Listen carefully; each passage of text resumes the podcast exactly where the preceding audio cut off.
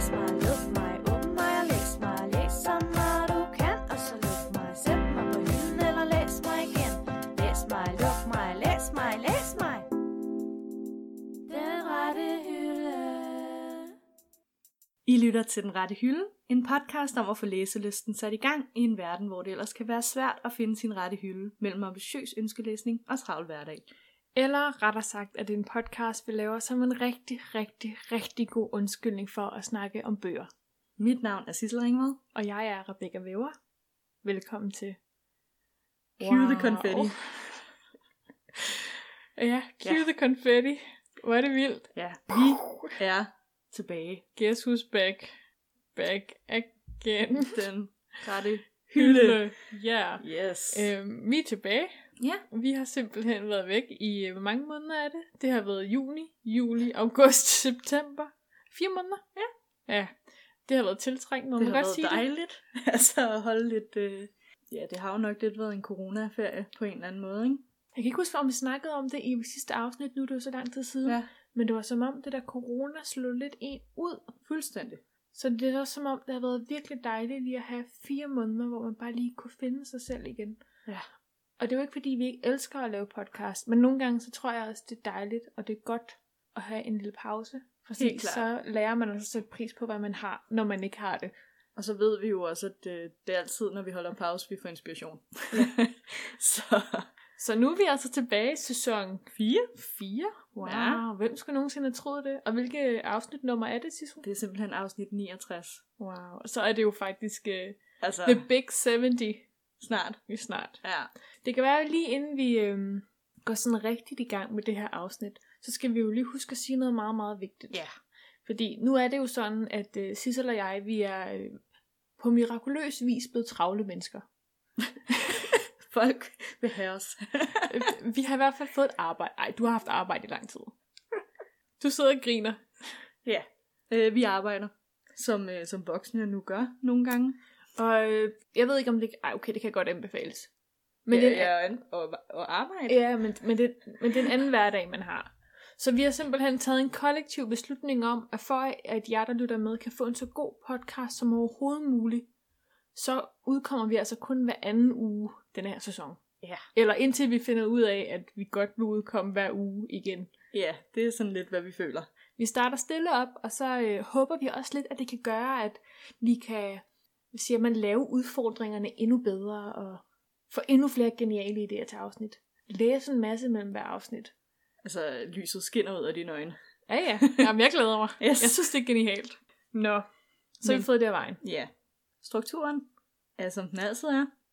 Vi skal til ugens opdatering, som er vores ugenlige segment her i podcasten, hvor vi opdaterer hinanden på, hvad vi har læst den sidste uge. Og det er løgn, fordi at... Øh, eller er det? Det er det jo faktisk ikke. Nej. Det her afsnit, det bliver jo lidt øh, en, en dejlig... Øh, vi er tilbage. Hvad har vi egentlig... Hvordan er det gået med læsningen de sidste mange måneder? Og, og hvad har vi læst? Og hvor godt har det været? Hvad skal vi ikke læse igen? Ja. Ja. Har vi læst? Ja. Hvad har vi Øh. taget med os? Og det er jo sådan set det, vi så gør lidt til vores øh, overordnede emne for afsnittet. Ja. Øh, men vi har jo selvfølgelig også øh, forhåbentlig læst i, i den seneste uge. Ja. Og- derfor tænker vi, det er det, vi, vi snakker om her i starten. Hvad har du læst i denne her uge, eller hvad er du i gang med? Nu kigger du på mig. Ja. Ja, skal jeg starte? Ja, det Uh, skal du. jamen altså, tak for æren. Jamen, jeg... Nu skal jeg lige tænke mig om... Jeg har læst en bog sidste uge. Ja.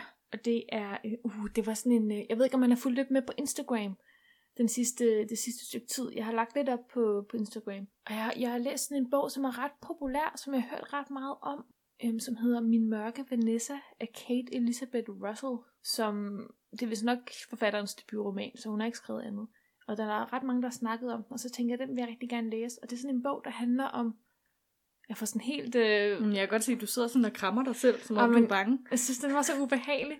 Det handler om den her pige, der hedder Vanessa, som er 15 år og går på, på high school. Eller man sådan følger hende, mens hun er 15 år i 2000, og så følger man hende også i 2017, hvor øh, der er det her MeToo-movement. Okay. Øhm, der bliver sat meget mere fokus på de her seksuelle krænkelser og altså Ja. det hele, ikke? Og så følger man hende der i 2000, hvor at sådan, hun er 15 år, og hendes øh, kostskolelærer sådan begynder at lægge an på hende på sådan en rigtig subtil måde, sådan, så han får hende til at tro, at det er hende, der jagter ham, og så begynder de at indlede et forhold, Ah. og det er virkelig bare sådan, man sidder og læser det, og sammen, altså den er fortalt sådan ret, jeg ved ikke om det er sådan utroværdigt, mm-hmm. altså Mhm. det er sådan en fortæller, hvor man sådan, man kan ikke helt finde ud af, hvor hun står henne, Ja. fordi hun, på den ene side, så er hun jo lidt vild med alt det, han får hende til at føle, hun føler sig sådan lidt sej. Men og faktisk ovenpå- er det ham, der manipulerer.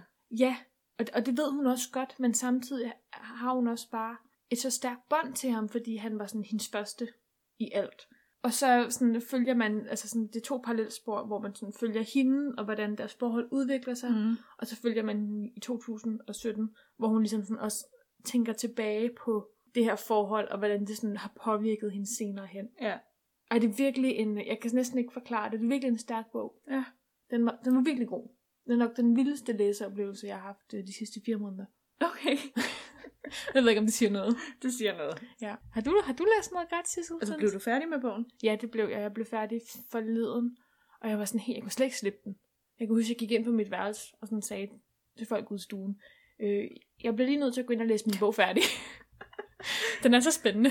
Den skal lige færdiggøres. Det er nu. Men sådan en bog, hvor man vågner, og så tænker man bare, at man gerne vil læse. Altså Ja. sådan, inden jeg, skal have, sådan, inden jeg er gået på arbejde om morgenen, så har jeg lige siddet 10 minutter og lige læst lidt i Og den. det får faktisk en til at vågne op, ikke? Og sådan Jo, det gør det. op. Jo, ja, man har noget at se frem til. Det er Ja. også lidt svært at komme ud af døren. Og jeg, jeg, og plejede, nå sine ting. jeg plejede jo det der med, at hvis man skulle med offentlig transport, Mm. og så var det der, man læste bogen, så Ja. var det virkelig nemt at komme på arbejde. altså. Det er så rigtigt. Ej, så den kan varmt anbefales, og jeg vil meget, meget gerne høre, hvis der er andre, der har læst den, hvad I tænker om den. Fordi det er også sådan en bog, hvor man har lidt svært ved sådan at sætte ord ja, på sine tanker. Ja, jeg gad faktisk ret godt, du læste den, okay. og fortalte mig, hvad du synes om den. Nu må vi se, om jeg kan få plads til den. jeg har læst i, Det er jeg spændt på. og ikke færdiggjort, øh, to bøger Wow. hen over den seneste uge, hvis man kan kalde det det. Jeg startede jo på øh, den nye Hunger Games bog, Det er lang tid siden. The Ballad of Songbirds and Snakes. Øh, Susanne Collins. den begyndte jeg på for et godt stykke tid siden. Var det ikke næsten i juni måned, du begyndte? Det føles det i hvert fald som. Jeg vil sige, din... nu vil jeg ikke afbryde, vel, men din bog, den er også begyndt at blive sådan en lille bitte smule nusset. Ja.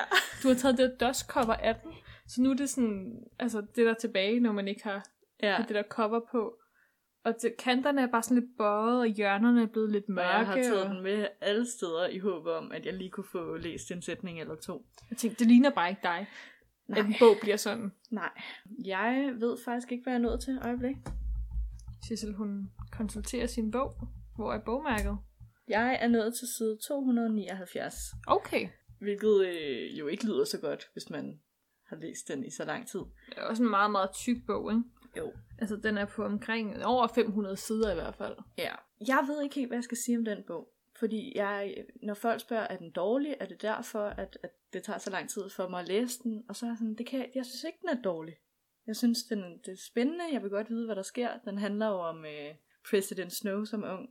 Det er sådan en prequel til hele Hunger Games-universet, ikke? Jo. Og sådan lige efter krigen, og hvordan at Var det den... Hunger Games lidt gik fra at være øh, et spil, de bare skulle spille for at vise at, eller straffe distrikterne, til at være et spil, folk kunne deltage i ved at stemme og hæppe og sende gaver ind til Mm. deltagerne og den slags.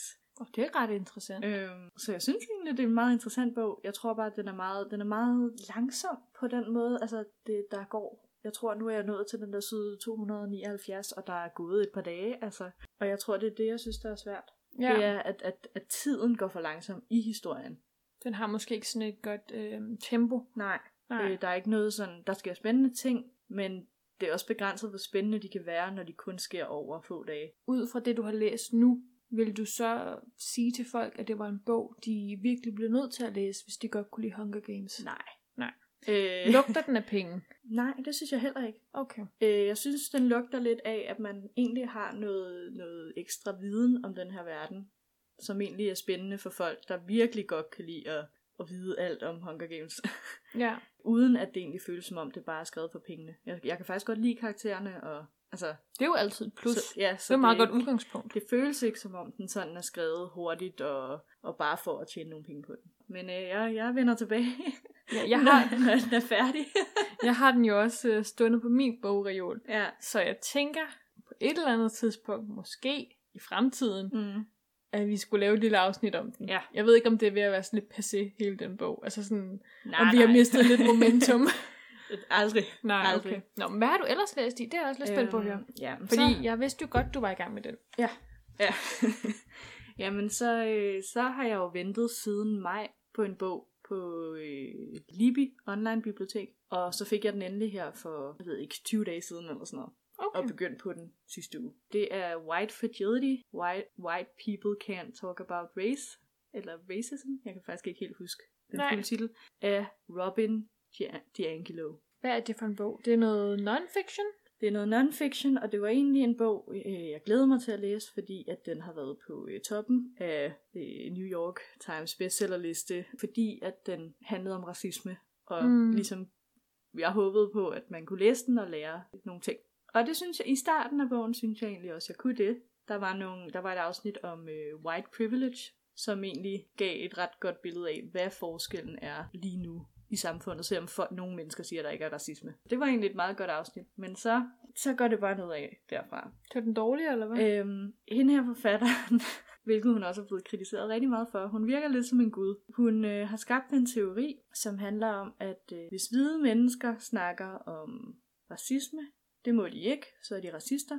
Men hvis de ikke snakker om racisme, så er de racister. Hun har skabt en teori, der gør, at uanset hvad, vil hvide mennesker altid, i hvert fald i vores levetid, være racister, og vi kan ikke gøre noget ved det.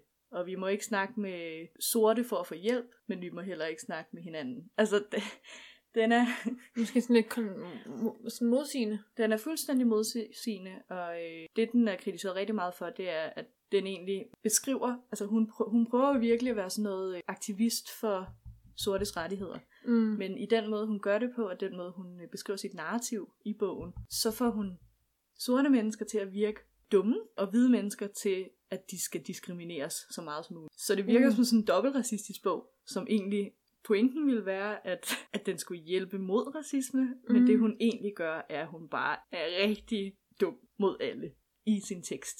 Nå. Altså, som om, at hun er den eneste rigtige, og Mm. ingen andre er det egentlig. Jeg kan godt mærke, at det er en bog, hvor du har brug for at få en masse ud omkring den. Jeg tror også bare, jeg er frustreret, fordi jeg virkelig håbede, det var en god bog. Altså, Ja. og håbede, jeg kunne lære en masse, og så er det bare frustrerende, at der kommer nogen og skriver outrageous ting. Du kan ikke se, hvorfor den har ligget på toppen af New York Times bestsellerlist. Den er kommet derop, fordi systemet sikkert har anbefalet den frem for andre. Jeg ved det ikke. Jeg ved Okay. det ikke. Jeg ved, Nå. at øh, folk, der rent faktisk læser bogen, de, øh, de er lidt sure. Okay. Men et eksempel er for eksempel, at hun siger, hvide kvinder må ikke græde. De må ikke græde foran en sort mand. Og det er fordi, i hendes øjne, så vil en sort mand, der ser en hvid kvinde græde, blive mindet om alle de dårlige ting i slavetiden. Som om, at altså sådan, hun får, får sorte mennesker til at lyde som sådan nogle dumme nogen. Altså uintelligente mennesker, som ikke kan tåle at se en hvid kvinde græde, og han må ikke trøste hende. Altså sådan noget, der, er- der, der er alt muligt, hvor at nogle, de måder, hun giver eksempler på. Der er også mange, alle hendes argumenter, hendes eksempler og sådan noget. Hun skriver det altid, som om det er en selvfølge. Og det, var, det opdagede jeg heller ikke i starten, at hun gjorde. Der tænkte jeg, nå ja, okay. Mm. Øh, indtil hvis man læser lidt mere ind i det, så kan man godt se, at det er jo ikke en selvfølge, det er kun hendes holdning. Det er sådan noget okay. med, at et eksempel er, at øh, hun snakkede med en veninde, Mm. Og den veninde sagde, ja, vi er flyttet til en ny by, men min mand var desværre nødt til at få et, en pistol for en sikkerheds skyld. Så skriver D'Angelo, og det betyder jo selvfølgelig, at det var i et sort en, øh, neighborhood, hvad hedder det, nabolag. Og der ville jeg godt have, at min veninde bare sagde sandheden. Så hun putter ord så i hun andre... putter egentlig ord, fordi det kunne lige så godt være, at det var et kriminelt mm. nabolag. Men hun, forfatteren, ser det automatisk som om, når om det, hvis de skulle have et våben, så er det fordi, det var et sort, så det er faktisk hende, der var racistisk. Men hun dømmer sin veninde for at være racistisk. Altså det er sådan nogle ting, og den måde hun siger, at folk altså, deler hvide op i to kategorier af antiracister, men det er faktisk, der findes så mange andre. Altså hun generaliserer helt vildt. Men mennesker. omvendt er det måske også meget fedt at læse altså jeg ved godt, det er ikke fedt, hvis den ikke er godt skrevet, men det med, at en bog kan få en til at reflektere så meget. Altså Ja. det der med, at du med det samme godt ved, at der, der er noget forkert i de udsigelser, hun har. Og Altså- det gør jeg faktisk ikke med det samme. Det er derfor, jeg er lidt sur. Det jeg er synes, problem. Hun, hun, hun, hun er jo god til at skrive, og når man er vant til at læse tekst, altså sådan, eller ikke vant til at analysere tekster, men bare vant til at læse, øh, så opdager man altså ikke lige med det samme, at hun siger forfærdelige ting, fordi Nej. Hun skærmer det med sit øh, meget forsknings, øh, øh, hvad hedder det, akademiske sprog, Mm. og det er sådan noget, der gør mig irriteret og sur. Det er, at jeg kan blive, altså læse sådan noget litteratur, og måske lidt blive påvirket af det på en dårlig måde, uden jeg opdager det, fordi jeg tror, det er en, Du en tror, god at- bog at læse. Du tror, det er hendes ord og lov. Ja, fordi hun skriver det, som om det er lov. Så man skal virkelig passe på med, hvad man læser nogle gange, især om sådan nogle emner, hvor det virkelig er vigtigt, at man sætter sig ordentligt ind i det. Men det kunne være lidt spændende og sjovt at høre, om andre har læst den bog, og hvad de tænker om den. Altså om andre også har set de samme ting i den, som du har. Udover det, du har læst, men altså sådan, hvis der er nogen, der sidder og lytter med til podcasten, Ja. som, har, som har læst den. Ja. Øhm, Så må I godt skrive, hvad Ja. I tænker. men det der er virkelig to forskellige bøger, du er, du er i gang med. Ja. Det er måske også meget fint, at man kan veksle lidt imellem det. Den rette hylde. Nå, Sissel, Ja. så fik vi vist også snakket om de bøger, vi har læst den sidste uge. Du har øh, læst noget, der har gjort dig rigtig sur, og jeg har læst noget, der bare har fået mig til at føle mig virkelig, virkelig... Øh, Utilpas. ja. Ej, men virkelig også konfliktet.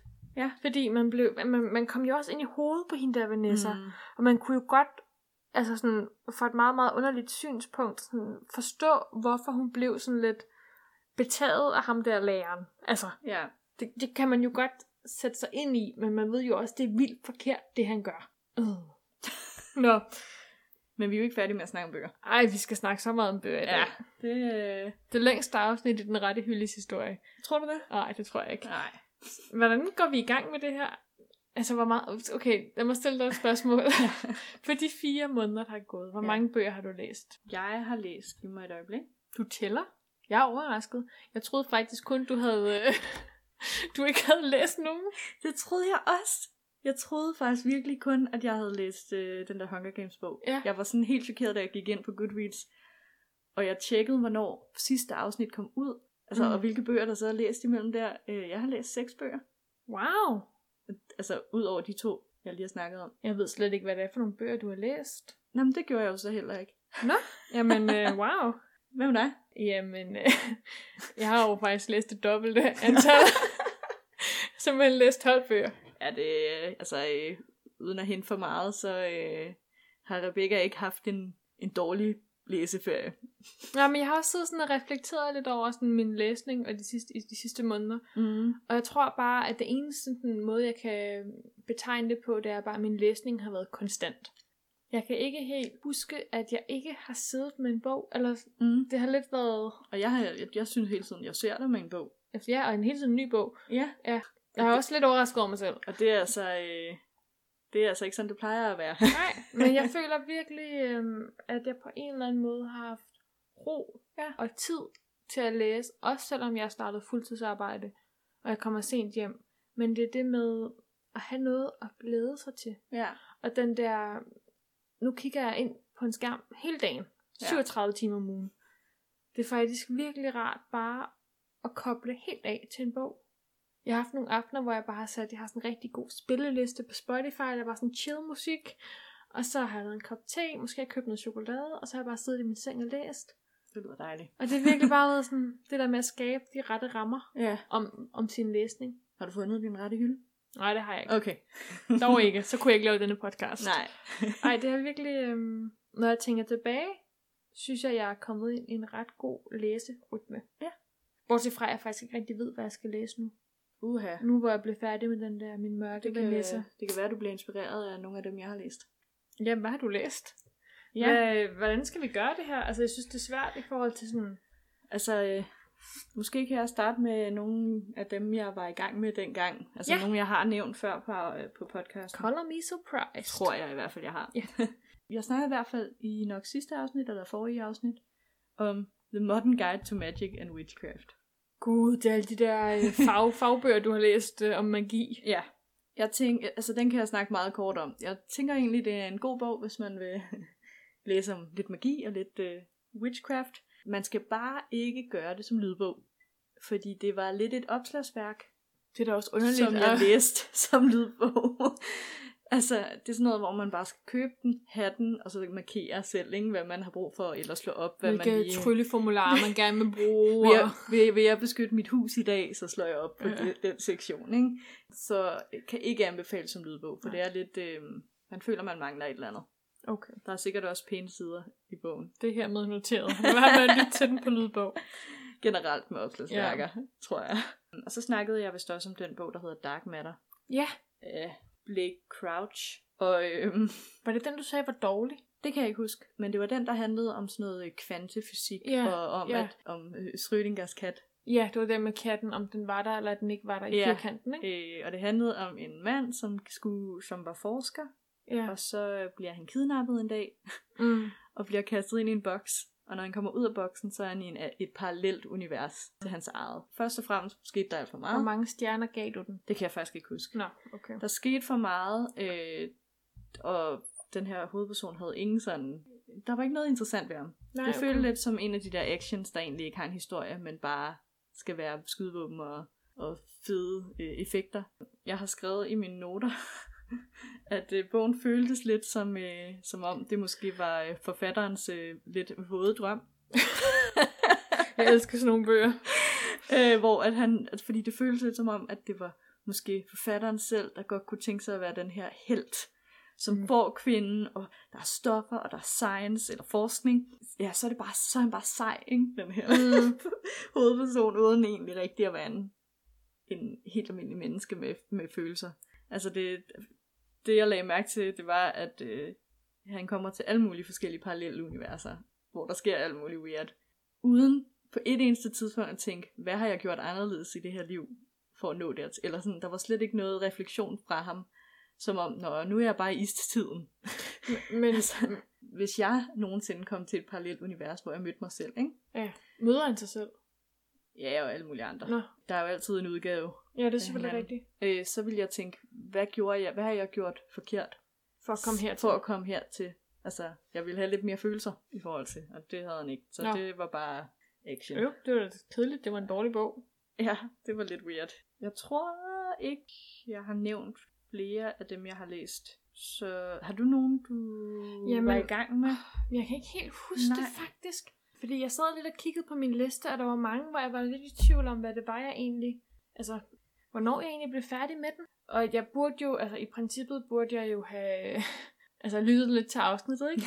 Det sidste afsnit, jeg lige hørt, Altså, hvad det har jeg ikke gjort. Nej, men det tænker jeg også. Det, jeg kan lige prøve at se på min reading challenge på Goodreads, fordi vores ja. Sidste afsnit kom jo ud i starten af juni, ikke? Øhm, og jeg mener, at den sidste bog, jeg sådan reelt gik i gang med, ja, den sidste bog, eller den første bog, jeg, jeg færdig læste efter, Afsnittet. ja, det var øh, Ø af Siri Ranva Hjelm Jacobsen. Ja, det kan jeg godt huske. Ja, den lyttede jeg faktisk først til på lydbog. Og jeg er ikke meget for at indrømme det.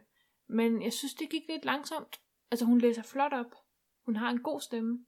Men jeg synes, det gik langsomt. Altså dengang du sagde, at du hørte den på lydbog, så var jeg også sådan lidt, kan man det? Fordi, altså med hende, der mm. læser op, fordi at øh, hun har jo skrevet Havbrevene. havbrevene, hvor det var meget, hun læser meget poetisk op. Og det var en relativt kort bog. Ja. Altså, jeg, jeg kan huske, jeg endte faktisk med at gøre sådan, så den afspillede med en og en halv Ja. hastighed. Det har jeg også gjort med flere af mine. Men så endte jeg faktisk også med at låne den på biblioteket. Okay. Fordi så tænkte jeg, så ville jeg give den en færre chance. Og den var faktisk, altså den var, jeg kan ikke huske, hvad jeg gav den. Men jeg husker den som sådan ret god, ret meditativ på en eller anden måde. Ja. Den handlede om en kvinde, pige, som, altså hun er fra Færøerne, eller hun er halv færing, og noget med, at hun tænker tilbage på sine forfædre på Færøerne, der ligesom tog til Danmark. Og noget med, at hun rejser til Færøerne. Den handlede meget om det med ikke rigtigt at høre til Ja. nogle steder.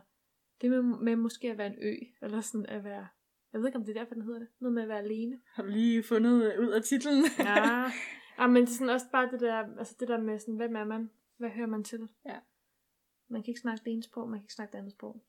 Jeg mener, det var det, den handlede om. Jeg, Ja. jeg bliver lidt i tvivl nu, hvor jeg snakker om den. Men den, den, var, ret, den var ret fin. Ja. Øhm, jeg skal nok ikke læse den igen, men den var fin. Så tror jeg faktisk ikke, at jeg var i gang med andre.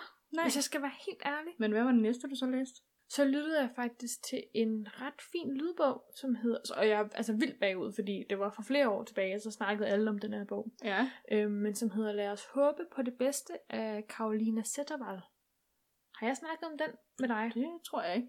Nej, men det handler om, det er faktisk en rigtig historie. Det handler om hende her, Karolina, øhm, som er svensker. Og en dag, så vågner hun op, og så er hendes kæreste død. Okay. De har lige fået et barn sammen et par, jeg tror det er sådan et halvt år inden, har Ja. lige fået en lille nyfødt.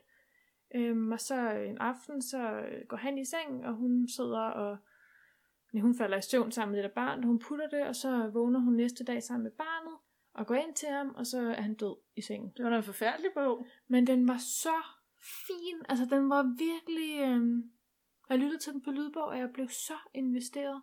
Så handler den både om, hvordan... Altså, der er igen to parallelle spor, hvor den handler om, hvordan de mødte hinanden, Mm. og så handler den også om, hvordan hun bearbejder sin sorg. Ja. Efter. Og den er virkelig god, og det er en rigtig historie. og Den, altså, den, den rørte mig de helt rigtige steder. altså, nej, det lyder forkert, men ej, den var virkelig, øhm, den var rigtig fin. Ja. Den kunne jeg virkelig godt lide. Meget, meget stærk bog på en eller anden måde. Okay. Og også, altså, også super trist. Men også meget sådan livsbekræftende. Så en, du kan anbefale. Ja, det kan, især som lydbog. Okay. Den var lidt lang, men den var rigtig god. Ja. ja jeg var sådan helt, uh, nu skal jeg lytte til min lydbog. Det var virkelig, det var virkelig en god bog. Ja. Ja. Skal jeg bare fortsætte? Øh, Der er ret mange. Så kan jeg måske nævne, at øh, så læste jeg en lidt intetsigende bog bagefter. Ja. Øh, som hedder Mellemlanding af øh, forfatteren Jonas Reinier Gunnarsson. Det er en islændinge. Ja. Så jeg muligvis bare totalt slagtet hans navn. Jeg kan nok ikke sige det på islandsk. som handler om hende her pigen Maria, som skal, skal hun hjem til sin far i København, det tror jeg, fra Brighton, tror jeg. Men hun mellemlander i Reykjavik, hvor hun egentlig er fra. Og så handler det om hendes døgn i Reykjavik, hvor hun vandrer sådan lidt hvileløst rundt og besøger nogle sådan lidt tvivlsomme venner, og det hele er bare sådan lidt trashy. Og hun har ikke rigtig lyst til at skulle tilbage, og den, den var, altså jeg kan godt se det der med sådan mellemlanding, og være også i et mellemstadie i sit liv. Hun var også i 20'erne, tror jeg. Ja. Øhm, og ikke rigtig vide, hvor man var henne, og jeg synes ikke, den, den, den sagde mig ikke så meget. Den var ikke skrevet på en måde, som gjorde det spændende, eller hvad? Altså, den var ikke så lang. Jeg synes, den bare havde lidt for meget i sig selv. Normalt er sådan en lidt mere reflekterende bog jo godt have en spændingskurve, men Ja, jeg ja. synes ikke, den er den. Nej. Den gav mig ikke så meget. Ja. Yeah. Har du øh, læst andet, inden jeg bare begynder på min monolog? Øh, jeg har læst en, som jeg ikke helt kan huske, om jeg har nævnt i podcasten. Mm. Men jeg læste i hvert fald øh, Supper Club af Laura Williams. Ja. Som jeg havde lånt af vores øh, roommate. Og jeg tør simpelthen ikke at skulle til at forklare, hvad den handler om, fordi det synes jeg er svært. Øhm, Så man skal faktisk bare gå ind og læse om Jeg går lige ind og læse om den. Den var ret spændende. Det var ret interessant måde. Det var sådan en... Øh, altså, det handler... Det er ikke fiktion på den måde. Altså, det handlede om en pige og hendes liv i sine unge dage. Wow. wow. Noget med en madklub, tænker jeg. Ja, øh, ja, hvis man kan kalde det det. Der, hvor forsiden har sådan en hånd, der moser nogle bær, så det ligner lidt, det er sådan lidt blod, Ja, altså det, det er lidt sådan en, øhm, den handler lidt om, hvordan kvinder, eller mennesker måske, men her var det kvinder, der har en, en sult i, som de bare ikke kan få stillet. Altså sådan, Ja. øh, om det så handler om mad eller andre ting, det er jo så det. Jeg synes, det var en god bog, men det, der lidt gjorde, at det var svært for mig at læse den, det var, at den var meget ukronologisk. Altså så ukronologisk, at jeg nogle gange læste øh, gode twist ind i det, og så senere fandt ud af, at det var bare fordi, det var en anden tid. Altså jeg tror, Mm. der sker noget spændende, men så er det bare fordi, den er sprunget i tid. Okay. Så det gjorde det faktisk lidt mere kedeligt. Nå, øh, jeg forestillede mig nogle ting, der ikke var der, øh, fordi jeg ikke opdagede springende. så du vil ikke anbefale den? Mm, altså, jeg tror, andre nok ville få mere ud af den end mig. Okay. Det var nok bare... Jeg, det var også, jeg havde bedt vores roommate om at anbefale en sød bog til mig, som ikke var voldsom eller ubehagelig. Og den her bog er ubehagelig. Så det var bare rigtig dårligt. Det var et dårligt match. Åh, øh. Nå. ja, øhm, men jeg... Øh, Så fik du udfordret dine, øh, altså dine læsevaner, ikke? Jo, og din jeg synes læsning. egentlig, at slutningen var meget god, fordi at... Øh, Du skal ikke afsløre slutningen. Jeg siger ikke slutningen, det var bare, at i, i slutningen på alle bøger nærmest, medmindre de ændrer sine, Mm. så lærer hovedpersonen et eller andet, ikke? Ja, Altså, så, bliver, så er der sket en øh, character development, Ja. som man siger på godt dansk. karakterudvikling. Ja. Og jeg kunne godt lide, at det var meget subtle. Altså, at, som om, at der ikke bare er en, en binær løsning på det hele. Mm. Altså, at, at hun havde ændret sig, men hvad hun helt var blevet til, eller om det var der, hun skulle vide, altså nå til, Mm. det var sådan lidt øh, abstrakt som et rigtigt menneske. Det er måske også meget sundt at læse sådan nogle bøger nogle gange. Ja, ja, ja, altså jeg klager heller ikke over at have læst den. Det, jeg blev bare lidt forvirret. Og så var det ikke lige det, jeg troede, det var. Nogle gange er det også svært, når man sådan sætter næsen op efter en bog. Ja, Altså nogle gange har man bare brug for en bestemt genre at læse, Mm. og så hvis ens bog, man er i gang med, den bare ikke møder de kriterier, så er det virkelig svært at få sig selv til at læse videre. og jeg Det er jo ved, også det, sådan, det der, når man køber nye bøger. Ja. Altså sådan har jeg det tit. At hvis jeg køber nye bøger, så kan det godt være, at de ligger på min bogreol i mange, mange år, indtil jeg sådan lige pludselig får den her pludselig indskydelse, der siger, i dag skal jeg læse den her bog, for Ja. ja. det har jeg virkelig meget lyst til. sammen. Altså, og det synes jeg er okay. Jamen, det er helt fint. Man så har man det. noget til fremtiden. Altså, det er kun en gave til ens fremtid, jeg. ja. Ja. Tænk, hvis man skulle ud og købe det Ja. på det sekund, man tænkte, man havde brug for sådan en bog. Præcis. Og så har jeg faktisk også læst en, øh, en bog, som vi har fået. Ja, det er en, rigtigt. En fælles bog. Ja. Øh, vi har Som fået, jeg ikke har læst. men jeg har læst den. Øh, det er øh, en gave, vi fik af byens forlag. Men har du ikke nævnt den før? Det mener du har i podcasten. Måske. Men jeg har i hvert fald først læst den her i ferien. Og det er Hvor du er. Ni historier skrevet live, mens Danmark var ramt af coronakrisen. Det føles som lang tid siden. Og det er det jo sådan set også. Øh, jeg læser meget hurtigt lige op alle forfatterne. Det er en novellesamling. Det er af Mette Reinhardt Jacobsen, Benjamin Lambert, Martin Ellermann, Torsten Thomsen, Sofie Ries En- En- Endal. Rune Stefansson, Maria Fransten Sanko, Estrid Dykær og Vibeke Marx. Øh, undskyld, hvis nogle af navnene var forkerte. Det er okay. jeg siger, det er okay på alles vegne. ja, øh, det giver måske lidt sig selv. Det er ni historier, der handler om corona. Mm. Øh, Og ni forfattere, vel sagtens. øh, som var skrevet sådan, Den blev vist ikke, var det ikke der, hvor der ikke var en redaktør på, men den bare blev udgivet med det samme? jo, Altså, er byens forlag, er det... Nu bladrer jeg bare lige i den, ikke? Nej, der, er en, der har været nogle redaktører okay. på. Men den blev udgivet i hvert fald relativt hurtigt. Ja, altså det vi snakker nærmest lige efter, at øh, lockdown skete, ikke? Vi snakker, man kan ikke rigtig helt se, hvornår. Nej. Jeg tror, det var i maj måned, den blev udgivet. Det var i hvert fald super tidligt, øh, og der vil jeg bare lige rose forfatterne helt vildt, fordi de har fået alt med. Jeg forstår slet ikke, de kan have fået så meget om coronakrisen med, i forhold til, at bogen er skrevet inden coronakrisen sådan. altså, den er der jo stadig. jeg var bare sådan, det, det chokerede mig lidt, at de, altså, det hele var der. Sådan, altså, gærkrisen og, og ja, bare sådan små detaljer om, hvad der er sket, og Men det er sjovt, for Altså- jeg kan huske, at du snakkede om den første gang i podcasten. ja, Der snakkede vi om, at det kunne være rigtig sjovt. Eller er det noget måske bare en snak, vi selv har haft uden for podcasten? Jeg kan ikke. snart ikke huske det mere. Der kan jeg bare huske, at vi snakkede, vi har snakket om, at det kunne være rigtig sjovt at læse den, efter at corona er overstået. Mm. Nu føler jeg, det er jo ikke overstået endnu, men jeg føler, at sådan marts, april, maj, hele de der tre meget, meget intense måneder, Ja. hvor folk ikke, altså folk arbejdede hjemme, og Og der var sådan, nu, nu har man måske lidt mere styr på, hvad der kommer til at ske, men på det tidspunkt, Ja. så var man forvirret. var bange. og bange, ja. Kan den anbefales? Ja, jeg synes, folk skal læse den. Jeg troede egentlig, at bogen ville have en masse historier, som gik sådan lidt øh, ind i øh, dystopi. Mm. Zombie, øh, mm, du ja. ved, øh, når nu der er så mange øh, historier i den. Men de var faktisk meget nede på jorden. Øh, Var det sådan en det var hverdagsscenarier, men på sådan en... I kender jo mig derude. Mm. Altså, jeg kan jo godt lide, når det bliver lidt ubehageligt, sådan lidt menneskeondskab-agtigt. Øh, så, Fedt, så de historier, jeg sådan kan huske, det er dem, hvor der er sket, sådan- altså hvor mennesker virkelig har opført sig sådan ondt mod mm. andre, øh, på baggrund af, at de har været bange. Og, og det er skrevet på måder, hvor man tænker, wow, det føles egentlig som om, at det kunne ske. Og det er Mm. jo det, der gør det sådan lidt, når man sidder i krisen selv, ikke? at der kan ske. Men måske det er også derfor, at den er skrevet. Altså for at man Ja. kan få den der refleksion, også det der med at se måske andre perspektiver. Ja, men som du sagde lige før, jeg tror, det, det er bedst at vente med at læse. Altså nu, nu er det fint at læse den, men jeg læste den måske lidt for tidligt. fordi Mm. at man stadig var så øh, bange, eller sådan, Det sad meget det stadig i ens sad krop. meget i en. Øh, og så at læse historier, hvor mennesker gør nogle lidt syge ting på grund af coronakrisen, det kan godt være lidt skræmmende, øh, og man skal ikke, så ender man bare med at være bange for sine naboer.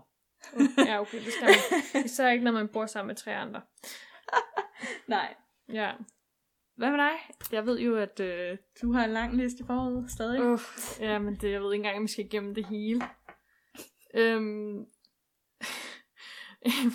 okay, noget af det kan godt slås lidt sammen. Der ja. Er noget, der sådan er under et punkt, og jeg har også snakket. Ja. om en af de andre. Så. Jeg har også læst bogen, øh, sådan en rigtig Rebecca-bog.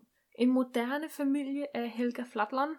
Ja, Øh, ja det som... lyder som samme genre som de andre nærmest. en norsk forfatter, Ja. øhm, som handler om øh, ja, en moderne familie. Det handler simpelthen om de her tre søskende. Jeg kan slet ikke huske, hvad de hedder. Jo, Liv og Ellen, og så hedder den sidste et eller andet. Tre voksne søskende. Ja. Der er to søstre og en bror, som på en familieferie, tror det er farens 70-års fødselsdag i Italien, der annoncerer forældrene simpelthen, at de skal skilles Fedt. sådan, som 70-årig. Øh, to af søstrene er i hvert fald ret uforstående overfor, hvorfor man vælger at, at lade sig skille som 70-årig. Når man i princippet, man har jo ikke livet foran sig mere. Nej. Er det virkelig ondt at sige? Det ved jeg ikke. Jeg synes, 70 år er meget ungt. Nå, men sådan, det, ja, Jeg tror, det kommer an på deres situation. ja, så handler det også sådan lidt om, hvordan de hver især reagerer på den her skilsmisse, og hvordan de hvordan deres liv på en eller anden måde også øh, fletter sig ind i hele den her, det her narrativ om forældrenes skilsmisse. Ja. Den var, faktisk, den var virkelig god. Altså, den er meget sådan realistisk, meget aktuel. Ja. Der er noget barnløshed, der er noget øh, familie, kernefamiliedrama, der er noget, øh, broren er sådan noget polyamorøs og sådan. Der skal mange ting. Ja, der sker mange Ja. ja. ting i den, men det, det er jo sådan en moderne familie. Okay. Og så tror jeg faktisk også, altså udover sådan, at forældrene lader sig skille, ikke? så er det nok også de her søskendes familieforhold, der også, altså familier, der også er moderne. Ja. Den var ret god. Altså, jeg kunne godt lide den. Den var ret hyggelig. Jeg lyttede også til den lidt på... Jeg har lavet sådan skifter. Så jeg læste lidt i den, og så lyttede jeg også lidt til den på lydbog. Så jeg kunne lytte til den, når jeg cyklede på arbejde, og så kunne jeg læse i den, når jeg kom hjem. Ja. Det var ret smart. Så... ah, men det, sorry, det bliver totalt monolog. Skulle ikke have læst så mange bøger, hva'? Nej, men til gengæld, øhm, den næste bog, jeg har læst, det tror jeg faktisk er en af mine yndlingsbøger, jeg har læst de sidste fire måneder. Ja. Det er jo næsten et halvt år. Øhm, sammen med min mørke Vanessa. Og det er bogen Girl, Woman, Other af Bernadine Evaristo, som øh, for det første har været shortlistet til Women's Prize for Fiction 2020. Har sådan en dejlig markat på sig Ah, fedt. som man ikke kan tage af. en af de der, vi hader. Nej, det er, øhm, det er en bog, skulle jeg at sige. Det er svært, når man ikke har snakket om bøger i så lang tid, ja. ikke, at forklare det. Måske jeg bare skal læse bagsideteksten højt. Ja. Der står, This is Britain as you've never read it. This is Britain as it has never been told. From the top of the country to the bottom, across more than a century of change and growth and struggle and life, Girl, Woman, Other follows 12 different characters on an entwined journey of discovery. It is future, it is past, it is fiction, it is history. It is a novel about who we are now. Og præmisset for den her bog, det er, at hver kapitel er, der er flere kapitler, som, hvor de er underkapitler. Mm. Så kapitel 1, der er der tre kvinder, man følger. Der er et kapitel hos, med en, der hedder Amma. Så er der et kapitel med en, der hedder Jazz. Og så er der et kapitel med en, der hedder Dominique. Og jeg sad virkelig og tænkte over det undervejs. Og jeg tror, sådan Amma, hun er mor. Eller det, hun er woman. Ja. Så er der Jazz, det er Ah. Ammas datter, hun er girl. Og så Dominique er Ammas ven, som så må være other. og de er alle sammen sådan colored women. Ja. Og det foregår alt sammen i England. Og så er det ligesom, hvordan at, sådan at være kvinde og farvet og bo i England, hvordan det er så forskelligt ud fra, hvem man er som person, at man kan leve så forskellige liv. Ja. Der er nogen, der er skuespillere, der er nogen, der er lærere, der er nogen, der er skoleelever, der er øhm, nogen, der er lesbiske, der er nogen, der er biseksuelle. Der er al, alle mulige slags kvinder i denne her bog. Og der er alle mulige underlige, eller ikke underlige, men alle mulige relationer på kryds og tværs, og, det, og den her bog, den får det også, den fletter det også ind på kryds og tværs. Ja. Øhm, og så er den også skrevet ret sjovt, fordi der er ikke nogen punktummer i den. Oh my god. Og det er kun navnene, der står med stort. Nej, det er det ikke. Men sådan, der er ikke nogen punktummer, der er ikke nogen citationstegn, så det er sådan også meget på en eller anden måde en meget meditativ læsning. Man skal virkelig investere sig i den. Okay. Men det er også virkelig givende, og det maler det flotteste, sådan farverige billede af, hvordan det er at være kvinde. Okay. Virkelig en bog, der kan anbefales. Jeg har måske ikke rigtig helt sådan ydet den retfærdighed i den måde, jeg snakkede om den på. Altså, Men virkelig interessant. jeg synes, din, din, dine øjne har sagt nok. Ja. Ej, jeg, jeg virkelig... Øhm, Det kan lytterne selvfølgelig ikke se. Jeg var virkelig glad for den. Altså sådan, og det der med også bare, altså, man kan også bare genkende sig selv så meget i den, selvom man måske ikke er farvet kvinde. Fordi Ja. ja. man er jo en søster. Man er en kvinde. Man har været ung pige. Sådan, der er mange af de der ting, man kan genkende sig i, og så er der det der ekstra niveau af sådan, også det samfundsrelevante med også den politiske i det. Ja. Den er også ret politisk. Virkelig anbefalesværdig. Hvis man har mod på at kaste ud i den, så synes jeg, man skal gøre det. Det virker som en, man måske skal have lidt længere tid at læse, fordi at der ikke er punktum og sådan noget. Så man Jeg kan brug- ikke bare... Ja, Altså, altså sådan, jeg mener længere tid sådan per session. Jamen, jeg brugte også ret lang tid på at læse den. Jeg Ja. tror, der gik et par uger. Okay. Men det er også sådan en, hvor man, så er man færdig med sådan et kapitel, der handler om de her tre kvinder. Og så skal man lige tage det ind. Okay. Og så går man videre med det næste. Det var faktisk også sådan, jeg gjorde med Hvor du er. Mm. Der, der læste jeg en novelle, og så holdt jeg Ja. en dag eller to pause, før jeg læste den næste, fordi at man lige skulle tænke lidt over dem. Og lige tage det ind, og lade Ja. det lige sådan rumstere, inden man går videre. Den kan anbefales. Yes. Den er jeg rigtig, rigtig glad for, at jeg har læst i hvert fald. Det kan jeg godt fornemme på dig. Men så når vi til noget af det rigtig spændende, fordi uh, den 5. august uh, 2020, der udkom der jo en bog, som uh, jeg og alle andre, håber jeg, har ventet meget, meget længe på. Uh, jeg kan ikke huske, hvor lang tid vi har ventet, men vi har ventet lang tid. 10 år. 10 år. Mere end 10 år. Øh, Det er jo den famøse Midnight Sun af Stephanie Meyer, som er Twilight fortalt ud fra Edwards synsvinkel. Hvordan var den? Altså for det første er det en mursten. Jeg, øh, jeg var jo så heldig, at jeg blev øh, interviewet til Carlsen Puls på deres hjemmeside. Og øh, som tak for hjælpen for at dele min Twilight-glæde med hele verden og lade et billede af mig øh, pryde Facebook. Ja, det var et meget, meget smukt billede. Hvis der er nogen, der ser et billede af mig, der holder sådan en Twilight-bog op, så, så er det mig. øhm, og så fik jeg bogen som, øh, som gave. Ja. På dansk faktisk. Det er en mursten. Ja. Øh, der ikke, er... ikke at du brugte tid som... Altså, Hvad den var hurtigt læst. Den var hurtigt læst, ja. Den er på 800, øh, næsten 850 sider på dansk. Det er rigtig mange sider. Og jeg kan konkludere ud fra den her, øh, efter at have læst bogen, at Edward har rigtig, rigtig mange tanker. Og så kan jeg også lidt konkludere, at jeg faktisk ikke kan lide at læse Twilight på dansk. Så Ja. halvvejs ind i bogen, der købte jeg simpelthen en Midnight Sun til min Kindle, og læste den på den i stedet for, fordi der er et eller andet ved...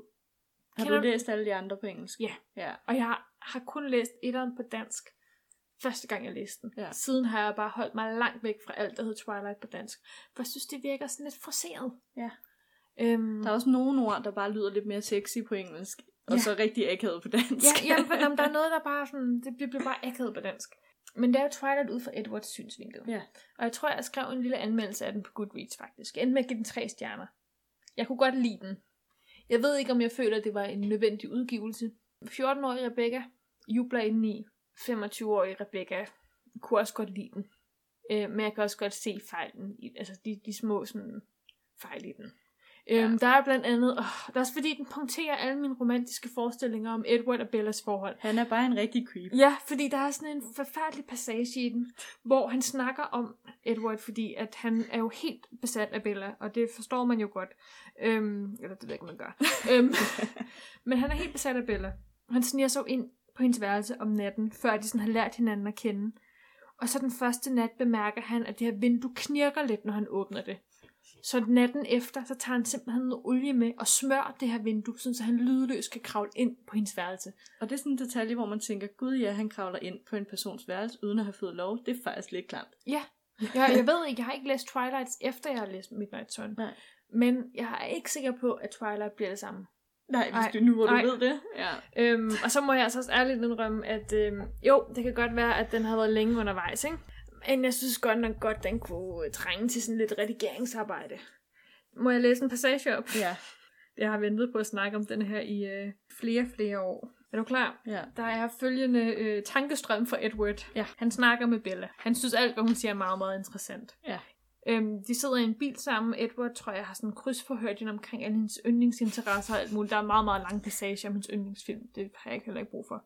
øhm, og så snakker hun om forskel mellem Phoenix, som jo er Arizona, mm. og så Forks, som er i Washington, hvor det regner rigtig meget. Ja. Hvor de er lige nu. Så siger hun følgende. Det regner selvfølgelig indimellem, tilføjede hun. Men det er anderledes end her. Mere dramatisk. Lyn og torden og oversvømmelser. Ikke bare sådan en drøbende hele deres regn, og så dufter der bedre på grund af kreosotbuskene. Jeg kendte godt den ørkenbusk, hun refererede til. Jeg havde set den gennem bilruden i det sydlige Kalifornien, men kun om natten. Den så ikke ud af meget. Jeg har aldrig lugtet til en kreosotbusk, indrømmede jeg. De dufter kun, når det regner. Hvordan duftede de? Okay, det var mig. Øhm, så snakker vi videre om den der busk. Men jeg er bare sådan lidt, hvorfor? hvorfor? Måske det også bare sådan i øjeblikket, men jeg var bare sådan lidt, kan ikke bare lade den busk være? Altså, kan du godt følge mig? Det er den verdens kedeligste Det samtale. er verdens, hvor, altså sådan, hvorfor er der ikke en redaktør, der har sagt, ud med det? det er en vigtig historie. Jeg kendte godt den kreosotbusk. Jeg havde set den gennem en rude i Kalifornien. Altså, what? Why? Show it, don't tell it. Der er også en forfærdelig passage, eller ikke forfærdelig, men der er også en passage, hvor, du ved, i Twilight, der siger han jo, uh, and so the lion fell in love with the lamb. Ja. Det er sådan den klassiske Quote. Ja, som alle kender og elsker. Øhm, hun har så åbenbart også valgt sådan at forklare, hvorfor han tænker på det. Ej. Og det er åbenbart et eller andet billede af en løve og, en, og, og, en lam, og et lam. Hvor jeg bare sådan, jeg har ikke brug for de her detaljer. Du punkterer hele min oplevelse. Var det så lidt en, øh, en øh, penge, pengebog? Ej, lugter lidt af penge. Gør det det? Ej, lugter af penge. Men jeg vil sige, jeg synes, jeg synes starten var vildt langsom. Altså, dejligt nostalgisk at læse. Jeg kan jo godt lide Twilight. Ja, Jeg har ja. ikke lyst til at kritisere det. Øh, Men jeg synes faktisk, at øh, den sidste halvdel var meget bedre. Sådan hele... Altså i slutningen er der jo alt det der med James, vampyren, ham Ja. ja. er trackeren, øhm, som er efter Bella. Og Bella, hun er jo væk. Altså i, i Twilight, der er hun jo sammen med Alice og Jasper og sidder på et hotelværelse og tænker på, hvad Edward laver, og altså mens hun venter på, at de ligesom skal nedlægge James, så hun øh, ja, kan være ikke i fare mere, ikke? Øh, men så får man jo helt Edwards perspektiv på det, sådan, hvordan de jagter ham her, og sådan alle hans følelser omkring det, og sådan. Det synes jeg var meget spændende. Så slutningen. Og sådan en god biljagt med, det kan jeg også godt lide. Men øh, ej, den var nok lidt for lang. Der kunne godt lige at score måske 200 sider af. Ja. Hvis man tager et Eller bare 800. Jeg tror, nej, måske, ej, det synes jeg ikke. Men sådan Twilight, er, er den ikke omkring 500 sider? Det ved jeg virkelig ikke. 4-5. Den er i hvert fald ikke 800,5. Nej, det er den ikke. Eller 850. Men han tænker måske bare mere, end Bella gør. Det gør han. Til gengæld efterfølgende, så, øh, Du blev inspireret? ja, så blev jeg faktisk inspireret. Og jeg har faktisk øh, læst samtlige Twilight-bøger siden. Ja. Undtagen etteren. Nå. Ja, så jeg har læst New Moon, Eclipse og Breaking Dawn. Ja. Hvilket faktisk er lidt en sejr, fordi jeg kun læst Breaking Dawn to gange. Og begge gange har jeg hadet den. Og så læste jeg den igen, og så var jeg sådan lidt... Jeg har udviklet mig. altså, jeg synes stadig, at den sidste del er vildt dårlig. Altså, bog 3. Men du kunne, du var bedre den her gang. De to første, altså den første del er altid god, det er sådan noget bryllupsrejsen. Øhm, og hele sådan brylluppet, og hvordan Ja. det, ja. Og anden del, det er sådan ud fra Jacobs synsvinkel. Nu taler jeg totalt som om alle har læst Twilight, det har folk ved også godt, hvad det skal. Men sådan anden del er ud fra Jacobs synsvinkel, og jeg kan bare huske første gang, jeg læste den, var sådan, åh nej, øv, jeg vil bare godt have det ud fra Bellas synsvinkel. Mm. Og nu, vil du, nu kunne du faktisk godt lide Jacob. I dag kunne jeg faktisk godt sætte pris på, at ja. øh, den er fortalt ud fra hans synsvinkel. Det er også ligesom om, man ikke er lige så meget Team Edward den dag i dag, som man var i gamle dage. Altså, man er lidt mere neutral. Ej, jeg er stadig Team Edward. Okay, okay, okay. okay. Men det gav, bare, det gav mening for mig, hvorfor det var Jacob, der fortalte den del af historien. Okay. Så, så har jeg også læst lidt andet ind imellem, men jeg ved ikke om, om det var ikke lige så store oplevelser som uh, Girl, Woman, Other og uh, hele min Midnight Sun rejse.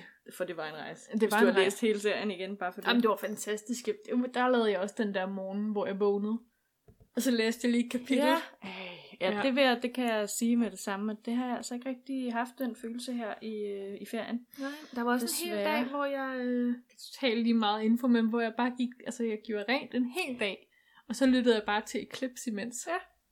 Og så var det bare en dejlig dag. Altså jeg tænker også, at Twilight ligger på min to be read list efter, jeg, når jeg endelig bliver færdig med de bøger, jeg er i gang med. Altså etteren eller resten af bøgerne? Etteren.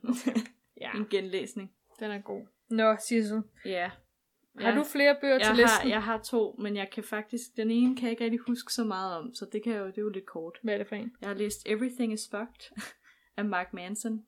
Den a er book blå. About, a book about hope. Ja. Øh, non-fiction. Han snakker, giver en masse anekdoter og fortæller om håb og hvordan det påvirker os mennesker. Og den kunne jeg egentlig godt lide. Jeg kan ikke huske så meget mere, Nej. desværre. Det var måske bare sådan en, der i momentet var god. Ja, og det havde det egentlig. Den, Mm. Jeg kan huske, den fik mig til at reflektere rigtig meget. Vigtigt. Og det var faktisk det, jeg håbede, den ville. Øh, sådan over mit liv og over verden og så videre. Og så har jeg læst Cottage Haven af Jytte Akkerholm Justesen. Åh, oh, det er den der havebog med, hvad hedder hun, Tante, Tante Grøn. Tante Grøn. Ja. Ja. Øh, jeg, øh, jeg passede hus på et tidspunkt og øh, fandt en bog om, om cottage haver. Som jo er den her særlige engelske havestil. Ja. Ja. Øh, hvor at man ligesom bygger en have op som et hus. Nå, det Ja. troede jeg, jeg troede, det var mere bare sådan noget puttenutte. Puttenuttehaver. Jamen, det er sådan, hvordan man indretter den, at der skal være døre og væg. Ah, Ja. en, en hyttehave. Øh, og den synes jeg faktisk var rigtig god, fordi jeg har aldrig tænkt over, at de haver, jeg godt kunne lide, rent faktisk var bygget op på en bestemt måde. Men, så nu ved jeg det. jeg læste også lidt i bogen, ikke? Jo. Fordi jeg har også været i samme hus, som du har været i. Ja. Øhm, det var også sådan en bog, der var bygget lidt op som sådan en lille historie. Altså, var den ikke meget fortællende om haven? Den var ikke sådan en kolde hård facts. Det var lidt en blanding. Ja. En god blanding, vil jeg sige. Altså, hvor det hele gav inspiration. Jamen, det, Ja. det godt.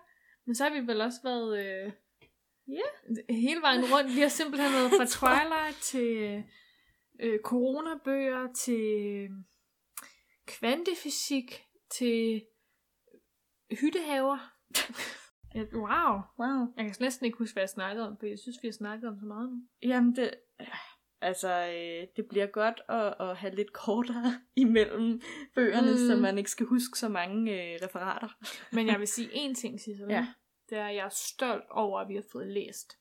Det er også. Altså, hvis man nu kendte, eller hvis vi nu var i tilbage i 2017 måske, Så havde vi ikke læst. nej, Nej. havde vi måske, havde vi måske åbnet en bog på en ferie, og det var det. Og jeg kan egentlig godt lide, nu roser jeg lige mig selv, ikke? Mm. Jeg kan godt lide, at jeg faktisk følte, at jeg slet ikke havde læst, og var lidt irriteret over det, og så alligevel havde læst 6-8 bøger. Det er måske også bare det der med, at det bliver sådan lidt en naturlig del af Ja. ens liv, i stedet for, Og at det, er jo bliver det, det sådan, beviser, at, at, at så er det faktisk, fordi jeg, me- jeg føler personligt, at jeg burde læse endnu Mm. mere, og så, selvom jeg stadig læser mange bøger. Ja. det er måske også bare det der med ikke at slå sig selv i hovedet hele tiden. Ja. Det kommer naturligt. Ja. Så, Sissel, skal vi ikke lige for en gang for alle sætte gang i den der læselyst igen? Det skal vi. Vi ses på den anden side af jinglen. Den rette hylde.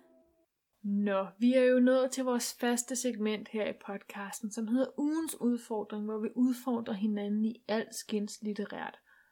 Og vi havde ikke en udfordring sidste for fire måneder siden, havde vi? Det håber jeg ikke, fordi så har jeg i hvert fald glemt den. Nej. Jeg gad godt, øh, inden vi sådan går i gang med at, at finde på en udfordring, eller Ja. jeg, det er jo mig, der har haft æren af at finde på en udfordring den her uge, og jeg afslører den, så vil jeg egentlig bare gerne spørge dig, hvilke mål du har for øh, efteråret, sådan læse-wise. Jeg kunne godt tænke mig at i hvert fald læse mindst en, helst mindst to, øh, bøger, som gør, at jeg vil op om morgenen og læse dem. Den følelse. Mm. Øh, for det har jeg ikke oplevet i rigtig lang tid, og det savner jeg. Ja. Så jeg skal finde en bog, som giver mig den følelse. Du skal finde lidt din rette hylde. Ja, igen. Ja. Øhm, ja, det er nok lige det, Mm. det, jeg kan tænke på. Hvad med dig? Ja, hvad kunne jeg godt tænke mig? Altså, jeg kunne godt tænke mig at blive ved med at sådan, i min gode læserytme. Og så kunne jeg faktisk også godt tænke mig at strege lidt bøger af den der liste over bøger, jeg skal have læst inden øh, årets udgang. Kan du huske, vi lavede en udfordring til hinanden i starten af, af året? Øh, svagt. Med hvad vi skulle læst i løbet af et år? Åh oh, nej. Du fik fem øh, bøger, du skulle læse med nordiske forfattere, og jeg fik fem, øh, altså, fem genrer, jeg skulle læse indenfor. Det kan godt være, at nu er tiden til lige at huske hinanden på, at den udfordring stadig eksisterer. Det, det, tak. Ja. Tak, det er en god idé, fordi Ja. jeg havde lidt glemt den. Jeg mindes, du har skrevet den ned i en notesbog, Ja, så det kan være, at du lige skal konsultere den. det tror jeg. Så det er mit, øh, Ja. mit mål for efteråret. Men Sissel, Ja. altså, nu skal vi jo sætte gang i den læselyst, ikke? Du vil gerne finde en bog, der kan få dig til at stå op om morgenen. Ja. Du vil gerne finde noget, der ligesom Så mit hjerte ja. knurrer lidt. excites you. Ja. Min udfordring er faktisk til dig. Mm. Fordi jeg har lidt på fornemmelsen for de bøger, du har snakket om nu, at de irriterer dig lidt. At du synes måske, det går lidt langsomt. Ja. Du sidder lidt fast. Mm. I hvert fald i den ene. Jeg vil rigtig gerne have, at du til næste gang går i gang med en anden bog. Ja, okay. Du sukker meget dybt. Jamen, det er fordi, at, at Men jeg kender, vil du, også godt blive færdig med dem. men kender du ikke det nogle gange, så man bare Jo. brug for en pause? Jo. Altså nogle gange kan man bare sidde fast i en bog, og så bliver man bare ikke færdig, før at man går i gang med en anden bog, som får en til sådan at få læselysten i gang igen. Jo. Og så kan man blive færdig med den næste bog. Ja, så gør jeg det. Så det vil jeg rigtig gerne have, du gør. Ja. Jeg ved ikke, hvad jeg skal gøre. Jeg skal jo nok bare finde en bog at læse igen. Ja, for du var lidt i tvivl om, hvad du egentlig skulle i gang med nu. Så jeg skal bare finde en bog. Du skal finde en bog og forklare, hvorfor du har fundet den bog. Men vi ses jo først om to uger igen. Ja. Så du har jo faktisk rigtig meget tid til at finde en, en ny bog at læse. Så tænker jeg også, du skal starte på den bog, ikke? Jo jo, det skal jeg nok. Ja. Jeg stiller ikke store krav, men jeg vil bare gerne have, at du, du går i gang med noget andet. Nu har jeg set nok på den der The Ballad of Songbirds and det har Snakes. jeg også. Altså, det er en flot bog, heldigvis. Mm. Thank God. Men du kan ikke blive ved, det er ligesom sådan at sidde og sådan savle lidt ned i en øl, ikke? Altså, eller det der, når man har købt en drink, og man så, øh, man vil bare ikke have sådan, kender du det der, så hvor det bare bliver lidt flad til sidst? Nej, jeg drikker lidt for hurtigt. Så nogle gange kan man godt købe en øl, Ja. og så bruger man lidt for lang tid på at drikke den. Altså ender det bare med at være sådan, altså øl uden bobler. Jeg tror, et bedre eksempel er, at din kaffe bliver kold. Ej, kold kaffe kan jeg også godt lide. Og med de ord, så synes jeg, at vi skal sige... Øh... Farvel og tak, og vi ses. Ej, det var lidt hurtigt måske. Ja, Ej, vi skal lige huske at sige, hvis I har lyttet til det her afsnit, tusind tak, fordi I lytter med. og vi har ikke glemt nogen af jer. Hvor har vi bare savnet jer. Ja. Hvor har jeg savnet at sidde foran mikrofonen med dig, Sissel. ja, det er godt nok lang tid siden. Øhm, men altså, hvor har jeg savnet lytterne. Ja, Det er dejligt lige at komme ud i jeres øregang igen. og det er dejligt lige at få mindet. Det, det er jo det der med, at podcasten giver mulighed for, at vi kan snakke om bøger ude. Altså i stedet for bare at glemme dem og mm. kaste dem tilbage på hylden, så får vi lige lov til at, at se på dem en ekstra gang og nyde dem. Og måske gang. også det der med at udfordre sig selv lidt. Ja. Jeg har kørt lidt safe hele sommeren. Men det, kan jeg, det, det fornemmede jeg godt. Ja, Ja. Så det kan godt være, at øh, podcasten nu giver rig mulighed for at udfordre mig selv lidt litterært igen. Indtil da. Ja, vi ses jo først om to uger. Det Ja. skal vi lige huske at minde om igen. Ja. Men Men indtil da, der kan I øh, følge os på Instagram og Facebook. og jeg tænker, at det bliver endnu mere fedt. Ej, det ved jeg ikke, om det gør. Men det, Nej, giver det skal, endnu, du skal ikke love noget. det giver endnu mere mening at følge os på Instagram nu. Fordi nu kommer der til at gå så lang tid mellem hver afsnit. Ja. Så må ikke vi finder på et eller andet space og løjer derinde. Måske. Ja. Øh, og ellers så kan I bruge de, de næste to uger Mm. øh, på at lytte til alle vores andre afsnit på SoundCloud, eller iTunes, eller Spotify, eller hvor I nu helst vil lytte til podcast hen. Og man kan jo både følge os ind på iTunes, og man kan også godt følge os ind på Spotify. Jeg tror ikke, man får en notifikation på Spotify, men det gør man på iTunes, hvis man abonnerer på os. Så får man en lille besked, hver gang vi har lagt et afsnit op, og så, øh, så glemmer man os ikke. Men det gør man jo egentlig. Altså, vi, vi lægger jo også altid en besked op på Instagram. Det gør vi. Så, og Facebook for den sags skyld. Nå, det er svært at slutte, ikke? Når man er i gang med noget, man savner så meget. Men øh, vi ses jo snart igen. Vi ses.